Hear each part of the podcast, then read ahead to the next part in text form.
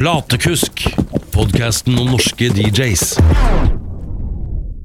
Velkommen skal du være til en eh, ny episode av eh, denne podkasten som heter Platekusk. Jeg er Ronny Bergersen, og landet vårt det har da sakte, men sikkert eh, etter hvert åpna litt opp igjen. Nå begynner man å kanskje lukte på at noe kan skje etter hvert, men vi får nå se, da. Enn så lenge så er vel ikke dansegulvene åpne, og de aller fleste av oss har vel ikke fulgt opp med spillejobber igjen, men eh, det er i hvert fall der framme i horisonten, og det er lys i lampa selv om smittetallene er drithøye. Så i denne episoden her så snakker jeg med en levende legende, en herremann som har eh, inspirert eh, mange innenfor mikrofonbruk, og eh, i form av å være da inspirasjonen til selveste DJ Dan, denne karakteren til eh, Morten Ramm fra Torsdag kveld fra Nydalen.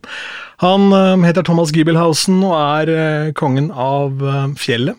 Hemsedal er hans hjem, men er opprinnelig fra Tønsberg.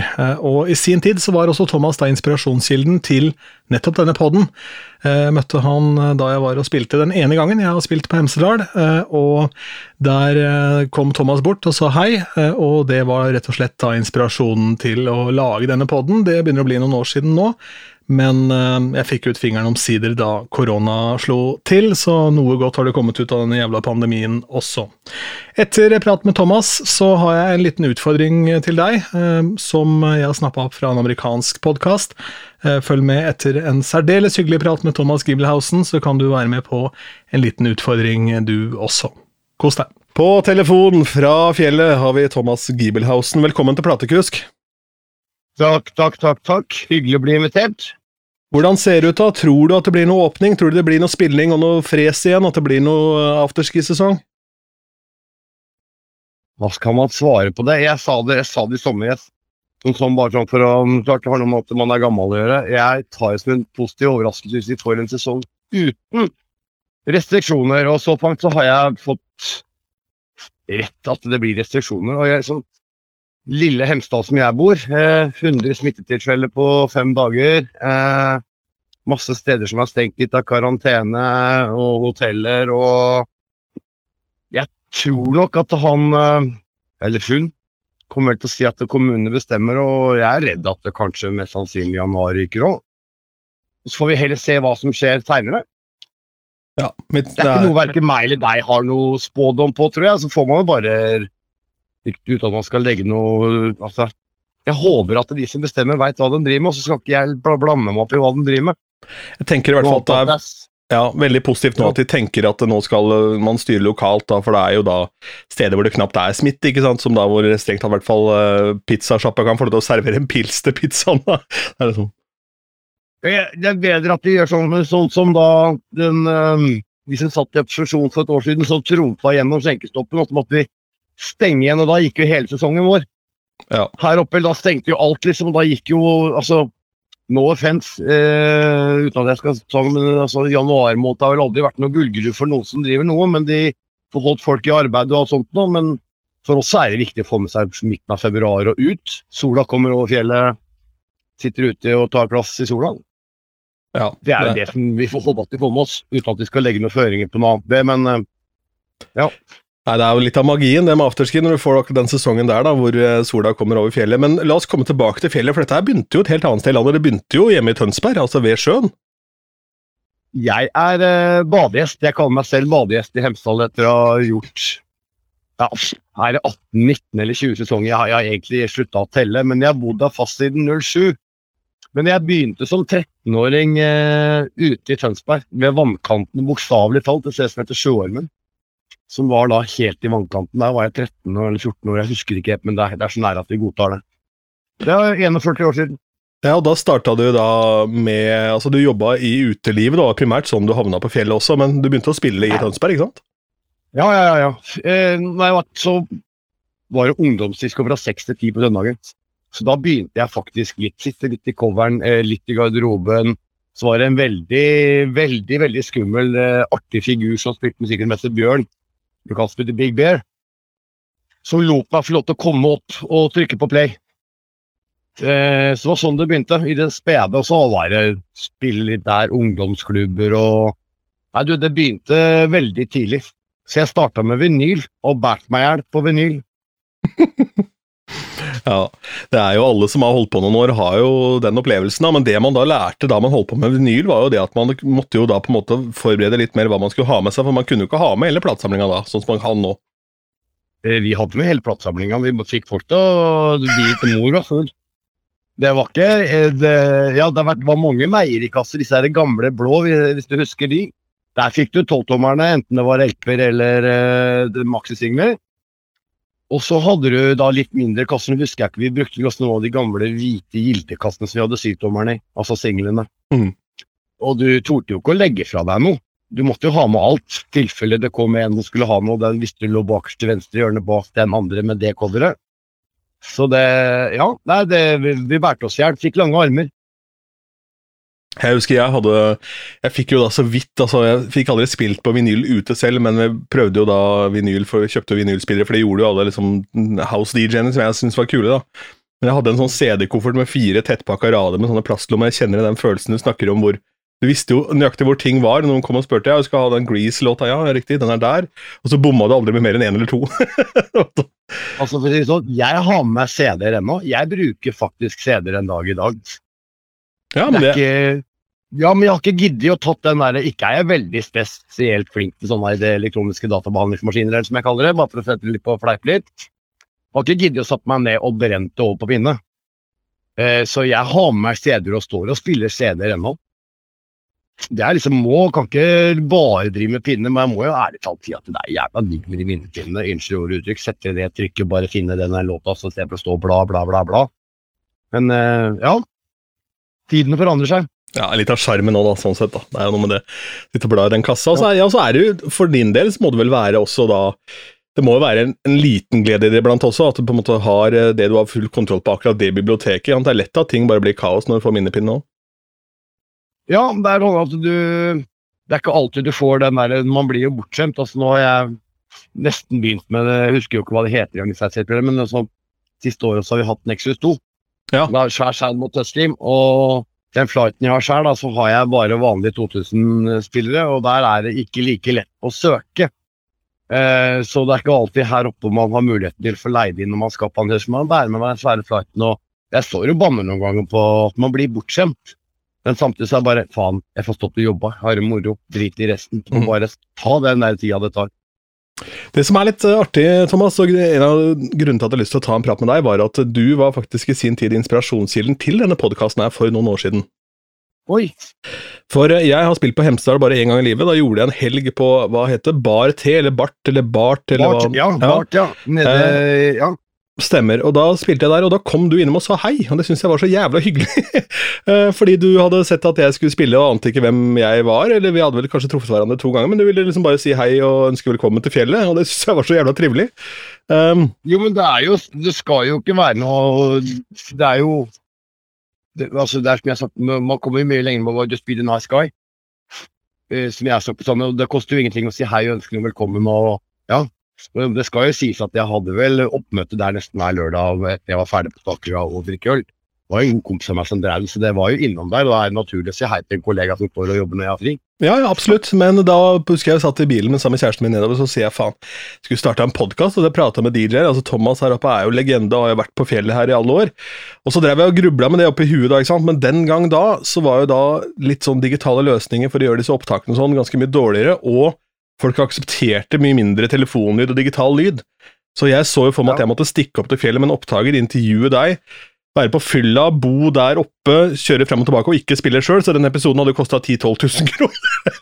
Jo, jo, men altså, eh, dra når i mars, nei, mai, mai april-mai, Ja, Eh, Nei, mars-april, mener jeg. Og passa på å komme ut en lørdag. da, Blitt en mandag, fått med seg en søndagsfest og sitte i sola her oppe og drikke øl og grille. Altså, Du kunne gjort verre ting. Du helt kunne klart. kjørt opp på en søndag, f.eks. Ja da, men det, har jo vært legendarisk i alle, alle år. ja, det er sant. Eh, Det var ikke jeg klar over da, vet du. Nei, nei, nei, men det er, det er som jeg sier. Vi kunne sendt en melding, og så hadde jeg gitt deg det svaret. Nei, jeg skal ikke fleipe med deg, men altså Men i hvert fall da, da la jeg ideen på is. Dette dette er vel tre-fire år siden da la jeg ideen på is. Og så kom den jævla pandemien, så tenkte jeg fader heller, altså nå er det jo da litt andre typer løsninger og måter å gjøre det på, så da bare hoppa jeg ut i det. Så det er jo gøy å gratulere med det. Du har vært inspirasjonskilde til noe som nå inspirerer andre, da. Ja, nei, Jeg har vært en inspirasjon, inspirasjonskilde til Morten Ramm, ja, så det, det, går bra, det. det kommer vi tilbake til. jo, men det er jo når du sier opptak sånn som vi gjorde, da, vi, vi, vi heiv jo på litt her Staker første påsken her. Så, så, så, skulle jo alle plutselig kjøre live og skulle gjøre noen sendinger og alt sånt, noe som bare har jo litt kule eiere. Og så har vi jo også noen som er litt dyktige her, så vi gjorde den liveinnspillinga vi gjorde på Stakerud, den gjorde jo ikke vi live, eller om alle trodde det. Så vi sto jo og spilte inn den på eh, pinne, eller en stor harddisk. Og så hadde vi jo da en drone flyvende inne på Stakroa og masse kameraer og Så det er mange ting som du sier tilbake til med, med, med at man kan gjøre ting som ikke folk vet at ikke er live. Absolutt. Helt klart. Men du reiser da fra, fra Tønsberg og så opp til fjellet for å egentlig jobbe som servitør, har jeg skjønt? Ja, jeg dro opp her eh, 4.1.1991. Det, det er noen dumme datoer som sitter igjen i hodet. liksom, bare Da hadde jeg vært her oppe påsken eh, i 89, må det bli da. Nei, eh, påsken 90, og syntes at dette var dritgøy, så jævla spennende ut. Og bare plutselig bare fant ut, sto og spilte plater på gamle utested skulle møte Upstairs Chancer nyttårsaften. Satte platene i antasje. Eh, dro til Hemsedal 4. januar. Ikke jobb, ikke sted å bo. Men jeg kjente noen. Så ble det da fire sesonger. Da ble det første sesongen så ble det da nede i Stakerøya, kjelleren på den stallen. Der var jeg servitør og sto litt i baren oppå. Men jeg ville bare jeg ville bare ha med meg det derre Hemsedal. Det var noe Det var rått, syns jeg, da, på 90-tallet. Ja, det er jo mange som syns det er ganske rått ennå, tror jeg. ja, men det, har jo forandra seg vaken fra 1990, da. Eh, 1991, liksom. Det er nå liksom da Det har kommet litt tilbake, da, men da var det jo veldig mye hemsedører som jobba både her og der overalt. Og nå, klart, nå begynner det å komme noen døtre og sønner av mange som jobber litt rundt omkring her òg, men det var en, mye annerledes på 90-tallet. Koseligere på en måte. Nå er det blitt så svært at uh, ja. Men det er fortsatt veldig moro å være her om. Men da begynner du da som servitør. Hvordan ender du opp bak spakene der etter hvert? da? Altså, Hva er det på en måte Nei, eh, de fire sesongene jeg gjorde det, spilte jeg faktisk ikke så veldig mye plater. Da var det mer sånn Da var jeg skiboms, hvis det er lov å si det. Da jobba jeg litt her og der, og, og en av de husker en av de første tingene som jeg ikke var klar over før jeg fikk beskjed om at jeg var en av de første som ikke var hemsedøl, som leverte skattekort til Hemsedal, gamle Hemsedal skisenter. Da var jeg konferansier oppi bakken her og var litt sånn noe det var jævlig moro.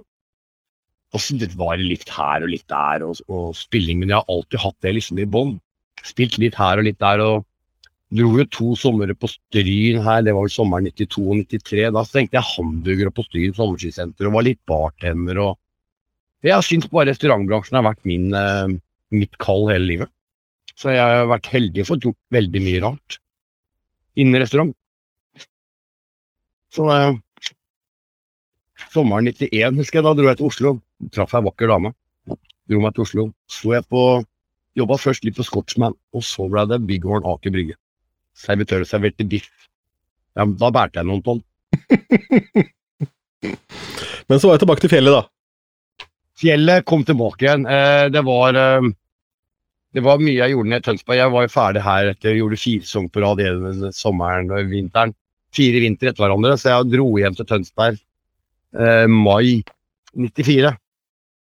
Og da fikk jeg, da sjekka jeg meg litt. Da var det DJ og bartender samtidig på et sted på brygga i Tønsberg. Og så åpna jeg en jævla kul bar i Tønsberg, 95. Så blei jeg litt opp og ned turer her bare og sa hei, og så fikk jeg telefon da som sagt da i 2006. Da om jeg ville komme opp og jobbe litt igjen. Da har jeg vel ikke vært Jeg har vært, vært hvit ennå, men jeg flytta hit i 07. Og her bor jeg nå. Mm. Og da, du, altså, da var du på Stavkronga i hvor mange år? Å, herregud. Eh, vi åpna Stavkra 30.12.06. Åpna vi med det som har blitt det som er blitt nå. Og så Ja, faen, nå er det 21. Det er da 15, år, 15 sesonger på rad. Og det er jo ganske mange som er der ganske ofte òg, som på en måte da er liksom fast inventar. da. Det krever sin mann å gjøre den jobben der år etter år og dag etter dag, altså. Ja, men det er gøy! Altså, Nå kommer jeg til å si noe som du kommer til å daue av, og det kan jeg du skal få lov til å, å klippe det bort hvis du vil, men det er som jeg sier når du står og underholder Jeg har gjort dette her fordi det, det er gøy. Og så er det gøy når du ser du får respons av publikummet. Smil er det gøy. Og som jeg har sagt i stedet, altså hvis da folk går ut døra med smil, og de får ligge i tillegg, så har du i hvert fall garantert at de kommer tilbake. Altså, da har, du- altså, da har du gjort noe riktig. Hvis du skjønner hva jeg mener. Unnskyld, det er Ja, ja. sikkert noen som føler seg krenka og Ja, få lov til å bli krenka av det. Altså, Da får de høre på en annen podkast, for det driter jeg i. ja, ja. Og det artige er at uh, i løpet av de i, skal vi se, de 15 sesongene da, så har jeg vel, tror jeg, gjort fem bryllup på gjester som har ringt meg. Du, har, gjør du bryllupsjobber? Eh, ja. Du skjønner, meg og mannen min, vi fant hverandre få staker. Eller under DJ-boksen. Eller ja, så jeg har spilt i fem bryllup til noen som fant hverandre på staker. Når jeg sto Det er jo så det har ikke bare vært uh, uønska barn og kjønnssykdommer og fest og moro. Det har vært noen som har funnet seg hverandre òg. Ja, det er, det er- noen det, er, det er en annen statistikk der i tillegg som ikke kommer fram i lyset, ja. Helt korrekt. helt korrekt. Men eh, det som da kanskje gjør deg litt sånn unik i DJ-sammenheng, er at du er jo en som bevisst bruker mikrofonen, og ikke bare til å stå og brøle hva du heter for noe sånn. Eh, du bruker den som, som et verktøy i arbeidet ditt. Kan ikke du snakke litt om den biten der, for der er du egentlig ganske unik, tror jeg. Ja, nei, det er tilbake som jeg snakka om sjøormen der. Der sto jo da han der svære bamsen med svært skjegg som heter, eh, heter The Big Bear. ble kalt det. Han brukte mikrofon. Uh, og det var bare for meg naturlig å ta opp det. Eh, ikke spør meg hvorfor, men bare blei det. Og så har det bare blitt, blitt en greie, og jeg har jo alltid hatt det. Og jeg husker jeg når da EOS i 95, når de bygde en barn for meg, så bare sa jeg må ha en bøylemikrofon. Hvorfor skal du ha bøylemikrofon? Nei, så jeg skal stå og spille plater, blande drinker og, og jobbe samtidig. Og det er ikke alltid jeg rekker å skifte CD. Da er det greit å bare switche på den håndbryteren og dra med og prate litt, og og trykke på play igjen og fortsette. Og bruke det som et, ja, et verktøy. Som er en del av greia. Og det er jo Jeg må jo si at jeg har jo en Er det lov å si en fordel i forhold til folk som bare står og enten trykker på Mac-en sin eller PC-en sin og bare trykker og bare lar stå der. Eh, Det er mye enklere for meg å få med meg folk. Folk skrur av musikken og snakker høyt nok og sier og så er liksom Da får du oppmerksomheten deres, så da er det mye lettere å få dem til å smile. Altså, hvis du bruker det på den måten, mikrofon. Det er aldri noe problem å få med deg folk med mikrofon. Nei, Det her er jo da også et av de viktigste våpnene for de som jobber i radio, eller om de lager spennende podkaster om kriminalsaker eller hva det er. Altså å gi folk tid og den der roa. Det er kanskje det som er det jeg også syns er mest dritt med hvordan ting har blitt nå, at det er så kort attention span. At du hele tiden bare må hive på noen nye ting, så man bare blir pepra i trynet av liksom inntrykk. Da. Det er kanskje bedre at man da eller får Altså ja, Det lille sekundet hvor det er stille, hvor man da får folks oppmerksomhet, og så kan du gå på mikken og fortelle hva du har å melde, men ta oss litt gjennom det, da, fordi det sitter jo nå sikkert en god del unge her og hører på, og mange av de lider nok av det man kaller for Serato-face, at man bare glor inn i datamaskinen sin, og så er man ikke i kontakt egentlig med publikummet sitt, annet enn å prøve å se at noen danser eller ikke danser. Mens eh, den måten du jobber på er jo det stikk motsatte, egentlig, hvor du og publikum de er jo en del av en, jeg kaller det omtrent en forestilling, da, som, eh, hvor du eh, presenterer ikke bare musikken, men også deg. Men, men det, det er jo som jeg sier, at det er mange som da synes, tror det er kult å være DJ, og så er det vel mange som har gått på en smell nå i to år og nå har spilt for noe cola, brus og pizza og kanskje putta noe inn i venstrelomma og høyrelomma istedenfor å ta det inn på faktura, inn på kontoen og ha noe å leve av. Eh, som tror altså DJ er ikke bare å trykke play. Eller trykke på den der loop-knappen, eller hva det enn heter, på disse datamaskinene. og Du er nødt til å se på publikum ditt. Altså, Mikrofonen har aldri bitt i noen. Og det er jo ikke farlig å si hei. Og sitter de og mumler lenger nede i ølglasset sitt, så er det bare å la fortsette å si hei en gang til litt høyere. Så sier de jo hei tilbake. Altså, det er jo Mikrofonen biter jo ikke, folk skal bite jo ikke, de heller. Ja, men Det er jo lett for deg å si, som er en ekstrovert type, da, men det her er jo det folk er aller mest redd for i hele jævla verden, Thomas. Jo, men um, Det er jo, fins jo ikke vanskelig. Det er jo Det ser jo enda dummere ut. Jeg husker jeg, stod- jeg har stått, stått på noen jobber hvor jeg angrer i etterkant på at jeg har sagt ja, men man skal egentlig bare stå og være pauseunderholdning. Eh, og da, da er det ikke poenget eller meningen at du skal gjøre noe heller. Du skal bare være skal bare du står opp på en scene, da, og du ser dum ut. Da er det vel bedre å gjøre noe ut av det når du først står der. Og du kan si at ja, han sto bare som en statue der, og det, vi kunne ikke satt på Spotify på øretelefonen øh, og, og sitte og sett på noe annet. Altså, det, man må jo prøve å gjøre det litt mer spennende enn det der, og ikke liksom Som jeg sier til hva, Hvordan planlegger du kvelden? Bare for å bli, bli Planlegger? Jeg har aldri planlagt noe i hele mitt liv, jeg. Jeg veit knapt hva jeg skal åpne, men er, da har jeg ikke begynt på jobben ennå. Det er liksom sånn tre-fire minutter jeg skal på. Ja, ok, hva skal vi starte med i dag? Så ser man det rundt i det lokale. Eh, nå går jeg litt fram og tilbake, da, men som jeg sier, når jeg blir spurt om jeg skal gjøre bryllupsjobber, så pleier jeg alltid å få meg fleip. Hvor mange med rullator og blått hår er det? Så begynner de å le. Eh, det har ti tanter og onkler, og det er nesten der, og så er vi 20 andre.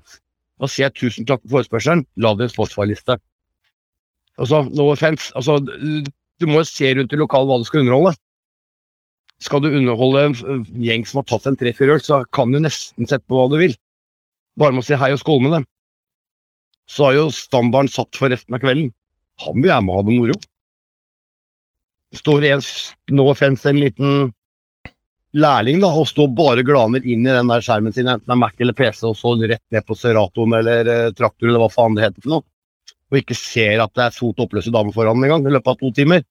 Altså, Da må du finne på noe annet å gjøre, spør du meg. ja, det, det er et godt poeng. Men det er jo samtidig, så tenker jeg, hvordan, hvordan skal man da Fordi jeg tror det var Jerry Seinfeld som sa at eh, nummer én fobi i verden er da å snakke i forsamlinger. Nummer to er eh, det folk er minst redd, nesten mest redd for, er å daue. Og det betyr da at folk vil heller da ligge i kista enn å tale i gravølet. Smart han er Seinfeld. Ja, han var ikke dum.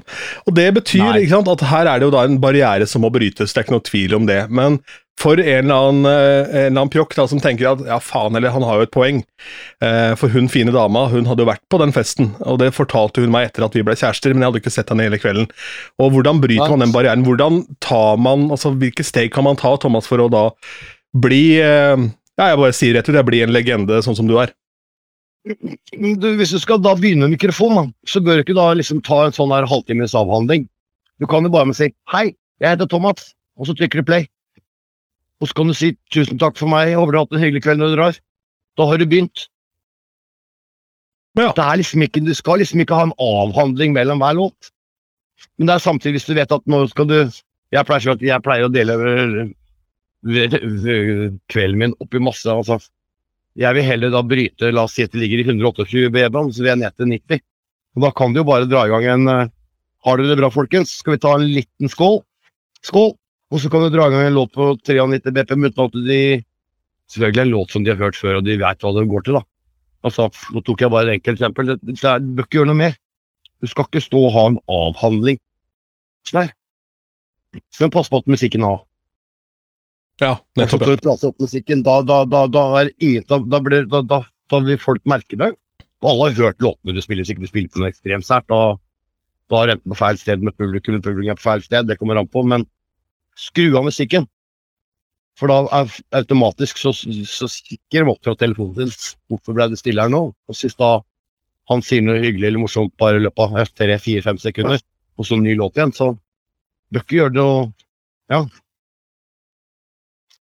Bør liksom ikke som Klabbe, med rakt og brisk hver fredag som vi vokste opp med. Fra Smøgen han bare fredag klokka åtte. Må liksom ikke gjøre det. Og så kommer jo da uh, Ja, han er jo da sambygning fra deg, da, fra Tønsberg, Thomas. Nei, eh, ikke godeste godeste Jeg er litt usikker på om du, jeg er litt på om du kan kalle Tønsberg er bygd. Ja, nei, det er Men sant. de er fra samme by. Sambying er vel ikke noe man sier?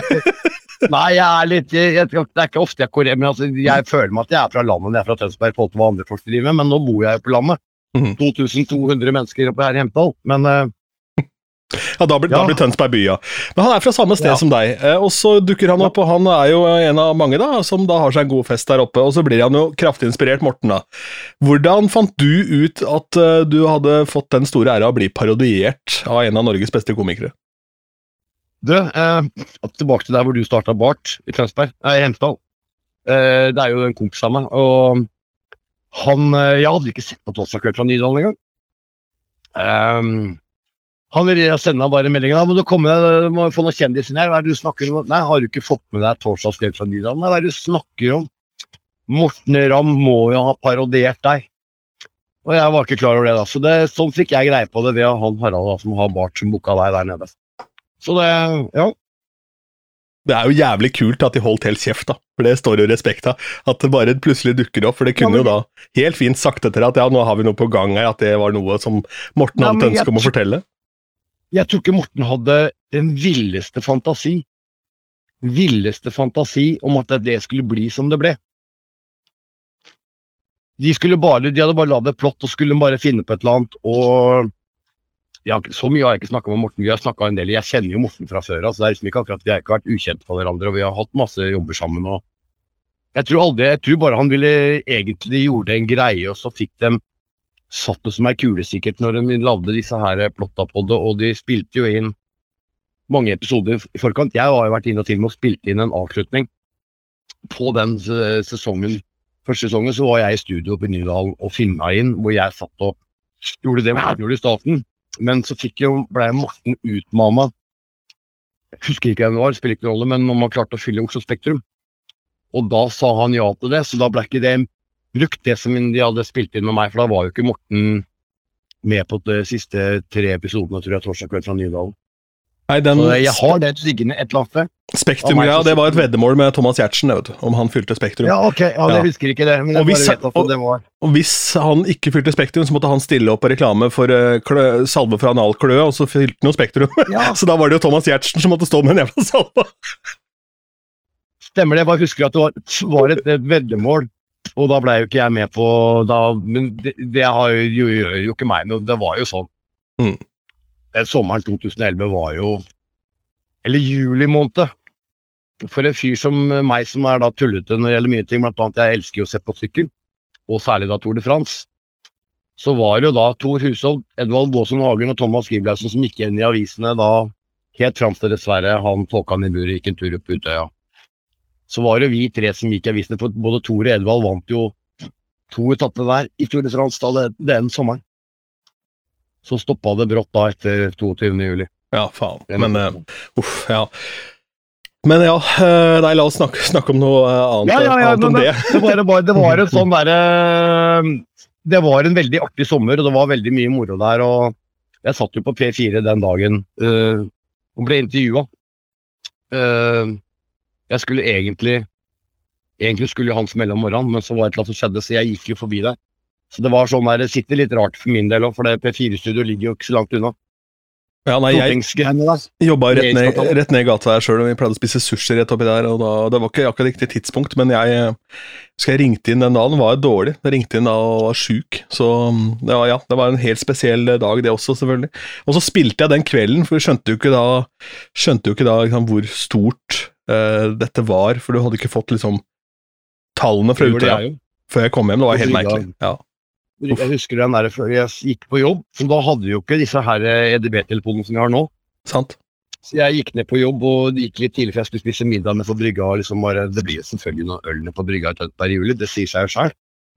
Og kommer da stå på jobb og jobber, og ingen aner noe, for ingen har jo ikke da nyhetsoppdatering på telefonen, og ingen tenker på det. det var, eh, ja, Da hadde vi ikke fått inn uh, Utøya-greiene når vorspielet begynte. ikke sant, og Kom hjem da klokka halv fire på natta og bare sette meg på verandaen, skal ta en kaffe og røyke, og så bare skrur på dette her eh, EDB-maskinen, og så bare Jeg husker det er noe av det dårligste samvittigheten jeg har hatt noen gang for hva man har gjort.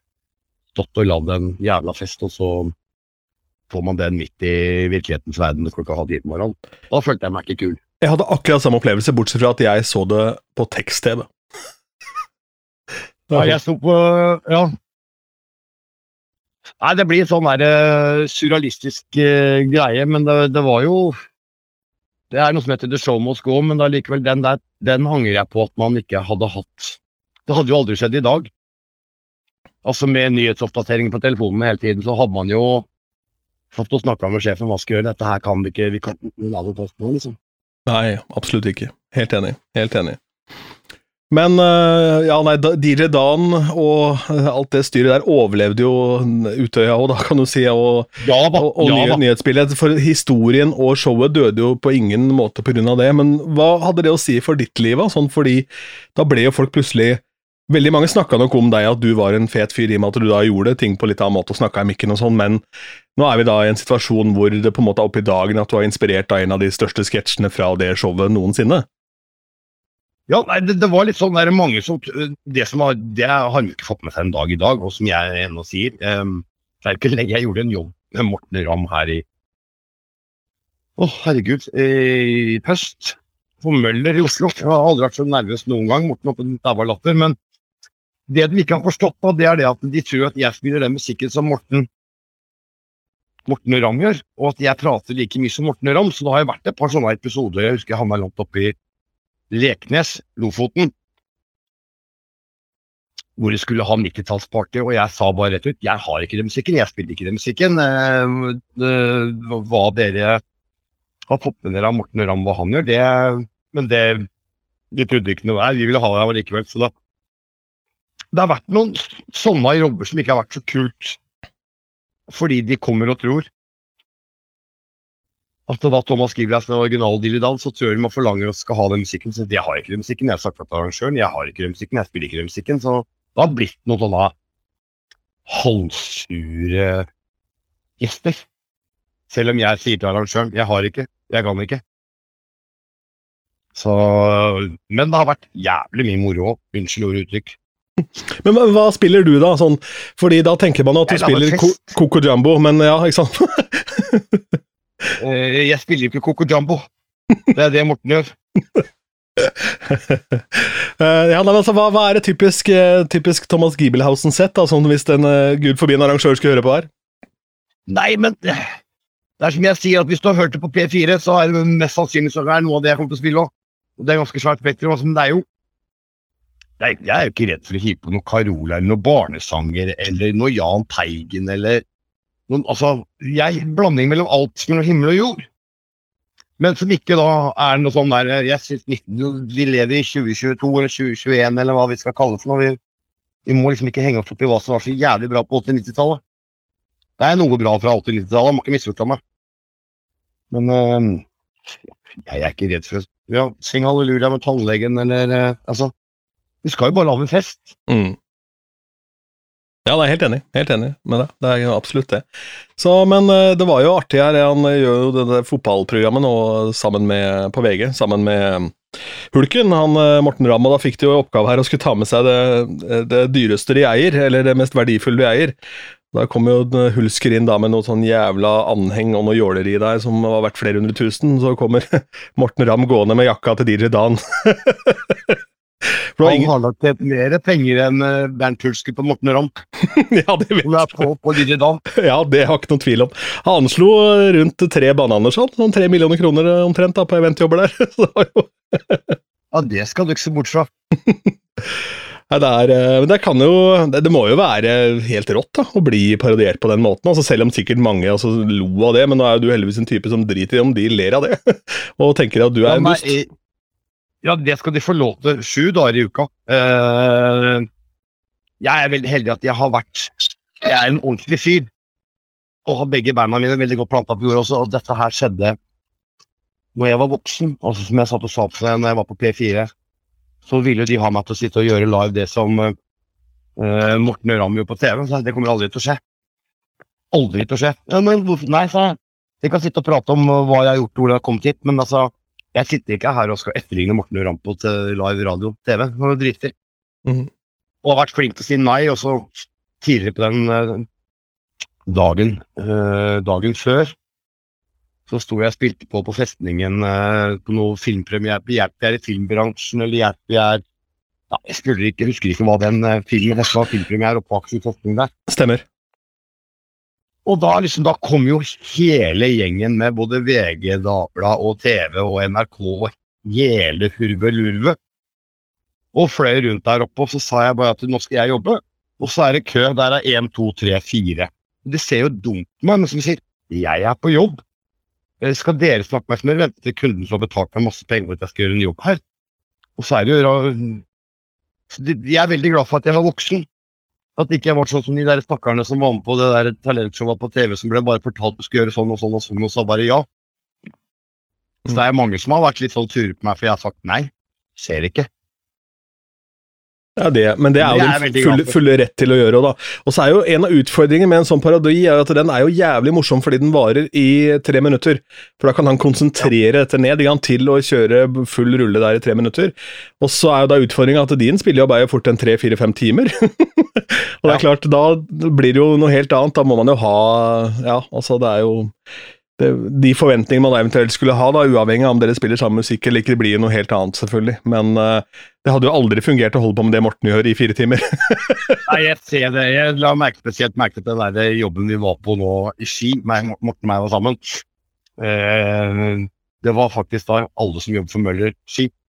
Eh, det var vi nede på verkstedet, et helt nytt verksted som ikke tatt i bruk. da, De hadde gjort det veldig kult og hyggelig, men det var eh, 52 stykker, det var seks jenter.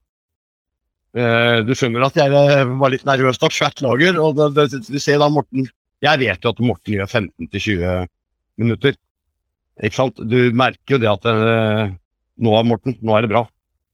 Og det, det merker folk òg, så det er jo begrensa mellom 12, 12 15 minutter som er maks hvor du kan gjøre det Morten gjør. Ja, ja, ja. Det er jo moro. Og så har man jo flink, han drar jo inn navnet på alle butikkene og spør litt rundt, og gjør en research og sitter og lager litt sånn greie gjennom det. Så han gjør jo en ganske kul greie og sitter der og gjør igjennom. Så Morten er blitt mye, mye mer eller Morten har jo vært jævla dyktig på hva han har gjort når han har gjort eventjobber og fleiper litt med sjefene og tar litt sånne ting og drar opp sitt og gjør det internt til hvert eneste firmaevent han gjør. Så han er veldig dyktig sånn sett, altså, så han er verdt sine penger i gull og gjør det og har ikke noe problem med det å stå i det, han altså. Nei, på ingen måte. Men det er to vidt forskjellige skillsett som ligger i bånn her. fordi han gjør, er jo da med bakgrunn i å være en profesjonell komiker, tekstforfatter og alt dette her, ikke sant. Mens eh, da din, din jobb er jo da egentlig å underholde et publikum som drikker øl og skal tjene, tjene penger for utestedet. Så det er jo klart, eh, det er jo da to litt forskjellige ting. Men eh, det må dryppe bra på klokkeren der i etterkant, da, selv om det selvfølgelig har vært noen som har hatt urealistiske forventninger. Du, Jeg har aldri klaget, og jeg har heller ikke vært redd for å, å si at uh, sånn er det. Og som jeg har også lært meg til å si, at jeg sitter åtte timer i bil, skal jeg gjøre det, så er det åtte timer i bil. Det skal jeg ha betalt for òg. Og det er ja.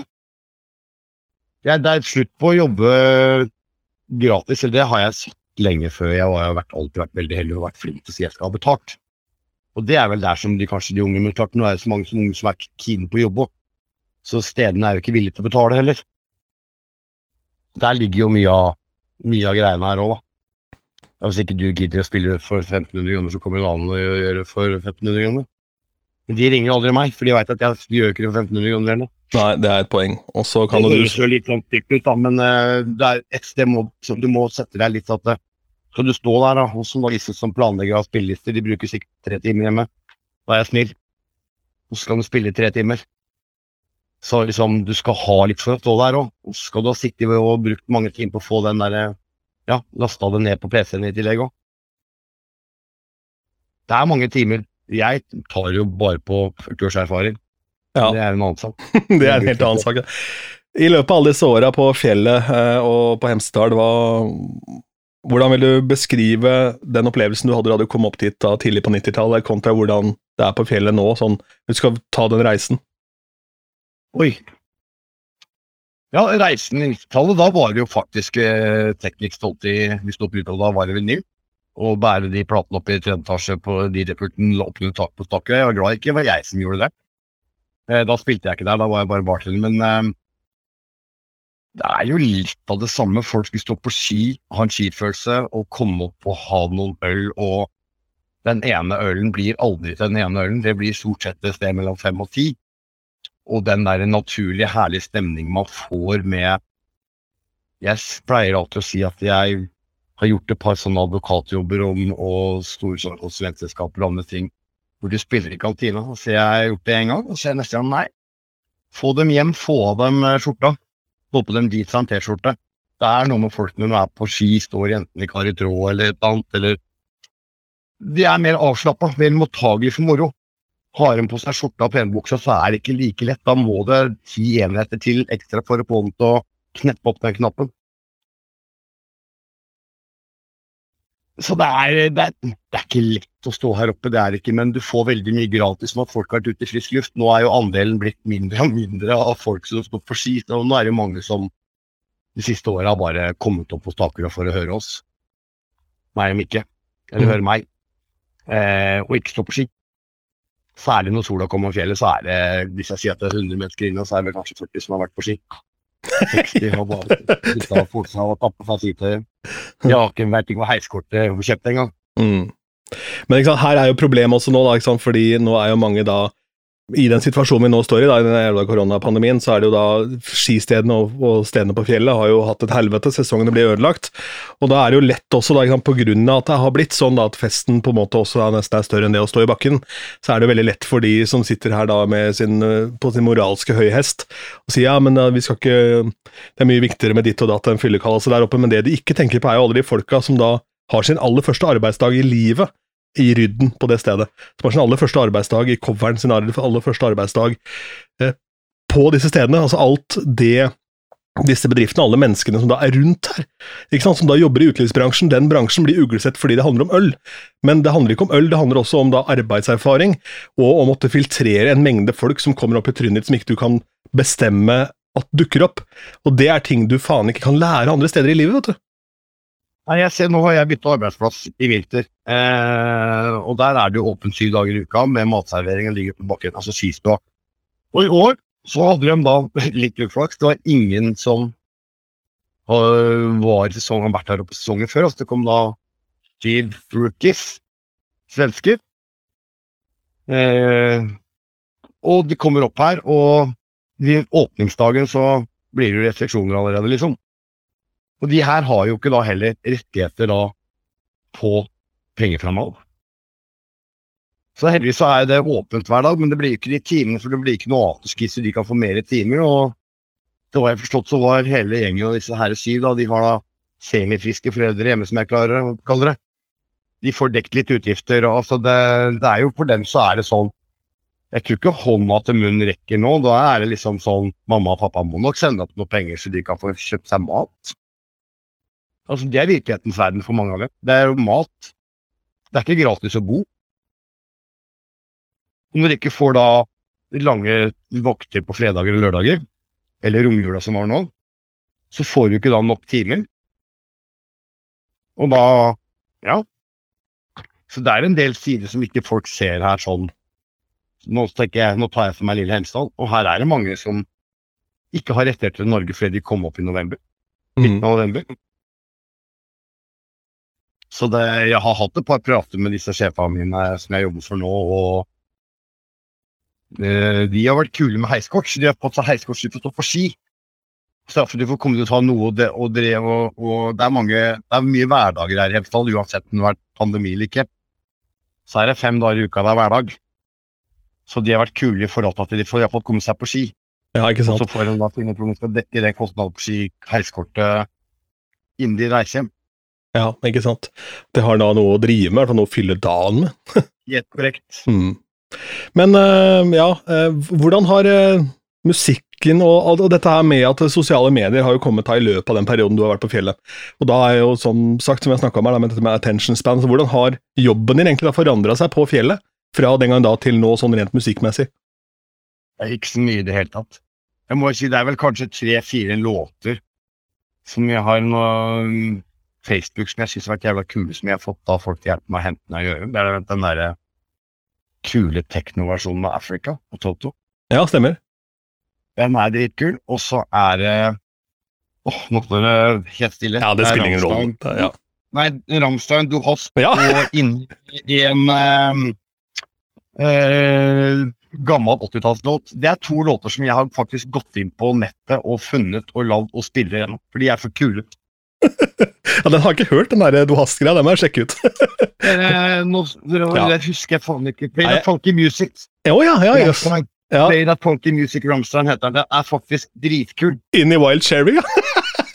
Ja, den er eh, faktisk eh, Du ser folk begynner å Jeg tror ikke jeg husker helt, så begynner han med gitarene på Rammstein, og så kommer da bossen, som er jævla frekk på Play That Funky Music, og så bare Du ser folk bare sitter og 'Dette var kult'. Du ser liksom du får tommelen opp og Så det Men eh, er sosial Nei, du jeg, når jeg var på Stakura, eh, så har jo snittet der var jo ganske høyt. Der var det 35-40 år, eh, og de, de stod ikke mobil, mobiltelefon og filmer. Det var mer når det var jul og påske og studentuke de var ute og filma. Og... De vil også da uansett bli De blir underholdt. Og jeg har blitt overraska positivt. og Jeg sier at jeg tar av meg musikkoppdragelse til mor og far når liksom du tar og plutselig hiver på Knutsen og Ludvigsen, og alle kan det utenat, og du kan dra med andre barnesanger, og du får De synger av sin stolte hals, liksom. Jeg har stått der med gåsehud og tårer i øynene at de har faktisk fått uh, god musikkoppdragelse, flesteparten, altså. Så de, de, i bunn så er det veldig mye gammelt norsk som de digger. Altså Det er bare Marius Müller. Børre sette første låta, så tar de resten uten at du behøver å spille med. Uten å blunke. Husker en video fra Palmesus i Kristiansand. Det er vel da sånn 22 500 mennesker smekk utsolgt. Headlineren er Steve Aoki, han er asiateren som gir kaker i trynet på folk. Ja. Uh, og Så blir han intervjua etterpå og sier eh, at uh, ja, det er ikke noe tvil om at jeg var det navnet som var størst på plakaten her, men den største artisten her i kveld, og den største legenden, han het Kaptein Sabeltann, for han hadde kommet, kommet på til slutt. Ja, det var- akkurat det jeg skulle si. Det var ikke Kaptein Sabeltann som sang Sabeltann-sangen. Siste låta 'Velkommen tilbake til neste år', stemmer ikke det? Nei, Han sang på Palmesus, han gjorde da Hva heter den, da? Eh, Jeg holdt på å si Kongen på havet. Han heter jo da Ja, Hiv ohoi-greia. Ja. Ja. alle kan Ja, jo Hiv- ja. ja. Ja, for det var vel siste låta som var det året på Ja. Palmesus. Den jeg leste en gang at han fikk all- i største allsangen var Kaptein Sabeltann i Ja, full og, og det sa også DJ-en, som har vært verden rundt. Han sa altså, ja, jeg får kanskje mest betalt, men det var ikke noe tvil. Og som var den største kjendisen her, det var Kaptein Sabeltann. Han skulle nesten tatt med seg Julius òg, vet du. ja, det, hadde- det hadde jo enda vært noe. Ja. Men eh, Thomas, jeg har en spalte her i denne podkasten som jeg kaller for Hall of Fame. og Det er en spilleliste som jeg da lager, apropos opp, oppdragelse, det er en spilleliste som jeg lager som da folk kan gå inn og høre på. Og den er veldig spredt, for det handler da om på en måte da litt uh, uansett I, i forrige uke snakka jeg med en jente som er dritopptatt av transmusikk, så det er jo da helt andre sanger enn hva det blir nå. Men jeg vil ha to sanger som du alltid kan gå til, som er et komplett bankers på afterski. Oi. Jeg har prøvd å tenke litt på det, for jeg husker jeg skrev det på den meldingen her. Eh, første som slo meg opp i huet, det har egentlig ikke noe med afterski å gjøre, men det har noe med å bygge stemning. For det er mange ganger du ikke aner hva slags folk som kommer opp til deg. Og så skal du begynne et sted hvor jeg pleier mange ganger å begynne rolig, og så pleier jeg å gå oppover og Du veit hva jeg sier for når jeg sier den remixen som kom ut i 1980 et eller annet, eller nei, 92, med September Earth, Wind and Fire. Stemmer? Hvis folk ikke gir antydning til rytme eller gynger litt etter den, da veit du at du da får en jævlig vanskelig kveld. Så September er en låt som jeg Ja, den har hjulpet meg mang en fest. For hvis ikke de hjelper da, så veit jeg at da må du helt brakis. Da må du tilbake i støvet, og da må vi tilbake til å finne på noe. Ja, ikke sant? Mm. Så det er en låt som er ikke alltid den blir spilt, det er lenge siden jeg har spilt den nå, men ehm, det var første som slo meg, det var September, den remixen med med Thin and Fire. Mm. Og så må jeg jo ærlig talt krype til det svenske kors og si at eh, Carola har vel redda meg mange en kveld. Jeg. Ja, ja, jeg har spilt eh, en del for denne danske kjeden Old Irish Pub. Eh, og der er det jo da De har jo jævlig gode DJ-er på det konseptet fra Danmark, ikke sant? så de kommer over til Norge, da. Og så er det Ja. etter hvert, når de skjønner liksom hvor, hvor svært Carola og, ja, og Bobby Socks og da, den, altså hvordan det liksom dreper de utestedene, til tross for at det er jenter der på 25 år med vesker som koster mer enn vi tjener i måneden, ikke sant? Ja. Men de kan Carola. ja, det er det ikke noe tvil om. Det er jo liksom tilbake til den første tinga jeg sa. da. Dem eh, smiler når de er ferdige og går ut med en Marmy-gutt i armen eller jente i armen, og de får pult, så har de, kommer de tilbake. Og da eh, Det gjør de fordi de, de Ja, de skal ha det moro.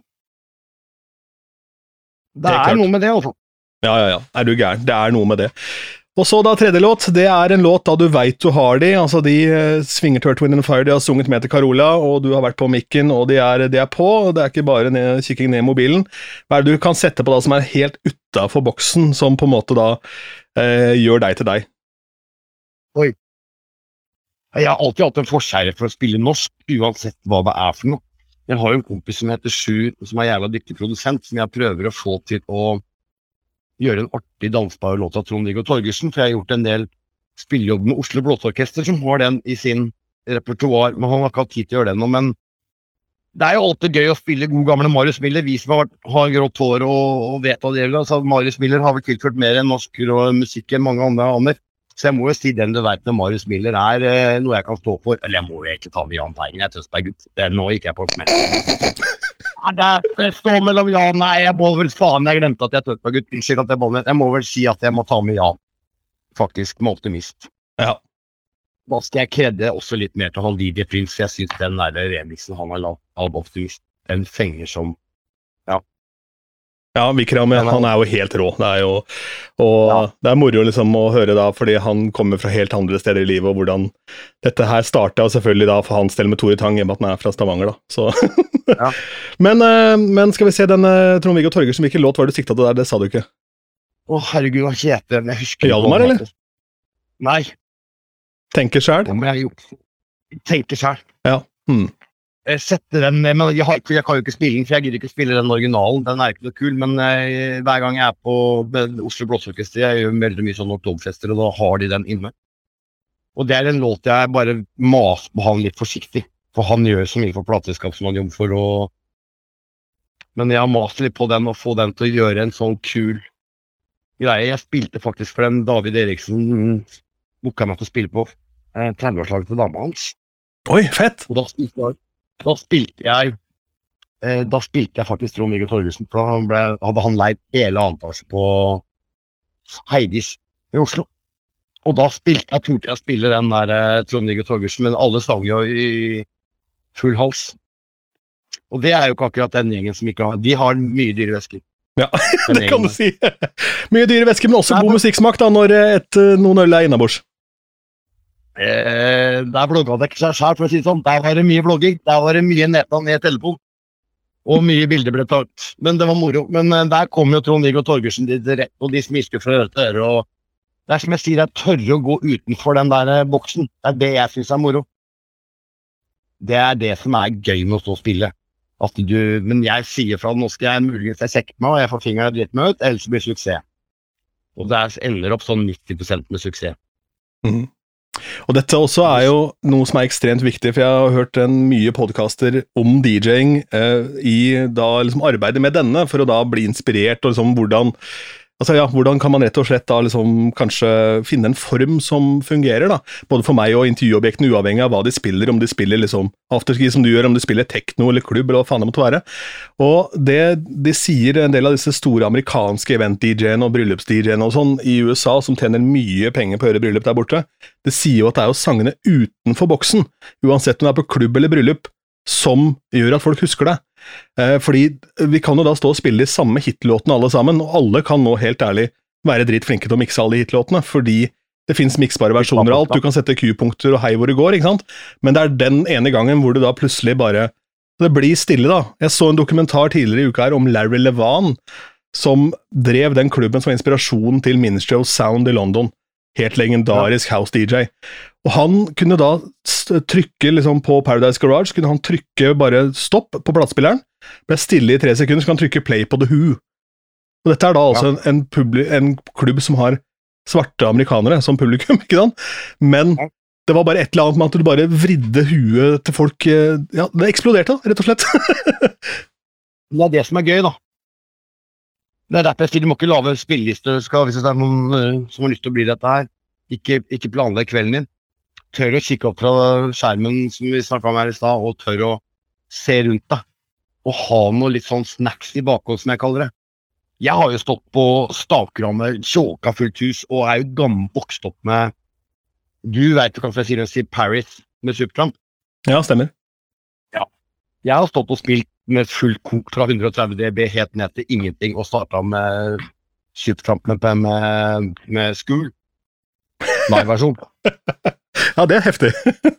Og fikk stående applaus, og fikk så mange meldinger som de bare fant ut. Tusen takk for at du torde. Men klart, dette her var i mai måned. Der visste jeg at vi hadde veldig mye corporate-folk. Altså mye Silmar som er da i april og mars. Eh, som jeg vet har eh, liksom, De har vært ute, de, er, de har vært mye hjemme og sittet og vokst opp der. Og det er det som er kult, når du har da så svært anlegg som vi har der oppe. og du bare skrur av alt lys, og så bare korker du på opp i ja, pluss-minus 100 dB. Mm. Og Men- starten på den snur. Her er det en jævla viktig eh, lærdom, fordi i den samtalen her da, så har det jo høres ut som at det, liksom, du sklir inn på et bananskall på vei jævla spillejobb, men igjen da, så er det da Nei, jeg spilte den fordi da er sesongen corporate. Dette handler jo om at du har vært og sett tendensene, du har vært tidlig og kikka på publikummet ditt. Så det er jævla mye forarbeid, selv om, selv om det kommer helt, helt naturlig ut av kjeften til Thomas her, kjære lytter. Så, så er det utrolig mye tanker og forarbeid bak det DJ-settet som gjøres, selv om det er spontant. Ja, du kan jo ikke gjøre det sikkert du vet hva du driver med på en annen måte. da. Altså det, det er som vi alle vet her, at det er én låt kan drepe kvelden din. og Da har du dritt i vet, kan ikke bare skru av musikken og gå hjem, for du kommer ikke til å redde deg inn uansett. Uansett hva du har som låta etterpå. Men jeg visste jo det at eh, her var det 90% sjanse for at jeg ville treffe. Og det positive i det, da, at de som ikke likte det, de gikk i baren og kjøpte to-tre runder til med øl. Ja. Med Smulvik. Nettopp. Du, Herlig. må ikke- du, må, du må ikke glemme å spille for barn heller hvis du skal spille ute. Nei, det er eh, Et eller viktig. annet lønna di komme inn. Ja, det er viktig lærdom, altså. Da må du drite deg ut litt. Eller ikke drite deg ut, du må tørre å gjøre at folk ikke danser. De må faktisk gå i baren og kjøpe seg en øl, øl og bestille til under dyputrenginga, så kan øl jo Ja, det er noe med det. Eh, Thomas eh, krysser fingre og tær for at det blir muligheter for å få da noe som ligner på en eh, sesong, og i hvert fall en sesongavslutning i 2022. Takk for at du tok deg tid, og mm, hvis noen tar turen oppover til fjellet og tenker at en kaffekopp hadde vært hyggelig å spandere på deg, så er det bare å sende en melding, kanskje, hvis man har noe for seg. Altså hvis man er i starten av sin reise her da, som DJ og kanskje har lyst til å, til å lære litt mer om da, ja, hvordan man bruker mikrofon, eller bare plukke huet ditt litt, da, så er, er det muligheter for det. Selvfølgelig, selvfølgelig. Det er lov å få mer enn øl nå. Det er ikke en beskjeden jeg. En liten Karlsberg eller en liten Peroni i all beskjedenhet. Det er ingen som har uh, takka nei til ennå. Herlig. Eh, Thomas, tusen takk for tida di. Bare hyggelig. Og hvis du nå kanskje er en av de som eh, en gang i tida har vært på besøk eh, på Hemsedal, kjørt afterski og tenkt eh, han fyren der oppe, han kunne jeg godt tenke meg å prate med, men han ser veldig skummel ut der han kommanderer folk med mikrofonen og trykker play på de råeste allsanglåter du kan drømme om, så har forhåpentligvis denne praten med Thomas gitt deg et helt annet perspektiv. For en fin fyr, og for en hyggelig prat. Og som han sier, det er bare å hoppe ut i det, rett og slett, og slå på tråden. Du finner telefonnummeret til Thomas på Facebook-sidene hans. Og nå ble denne praten her tatt opp da mens vi ikke hadde fått svar på at eh, ting åpna litt opp igjen, men enda så er vel ikke akkurat afterskien for fullt i gang på Hemsedal, får vi vel tro.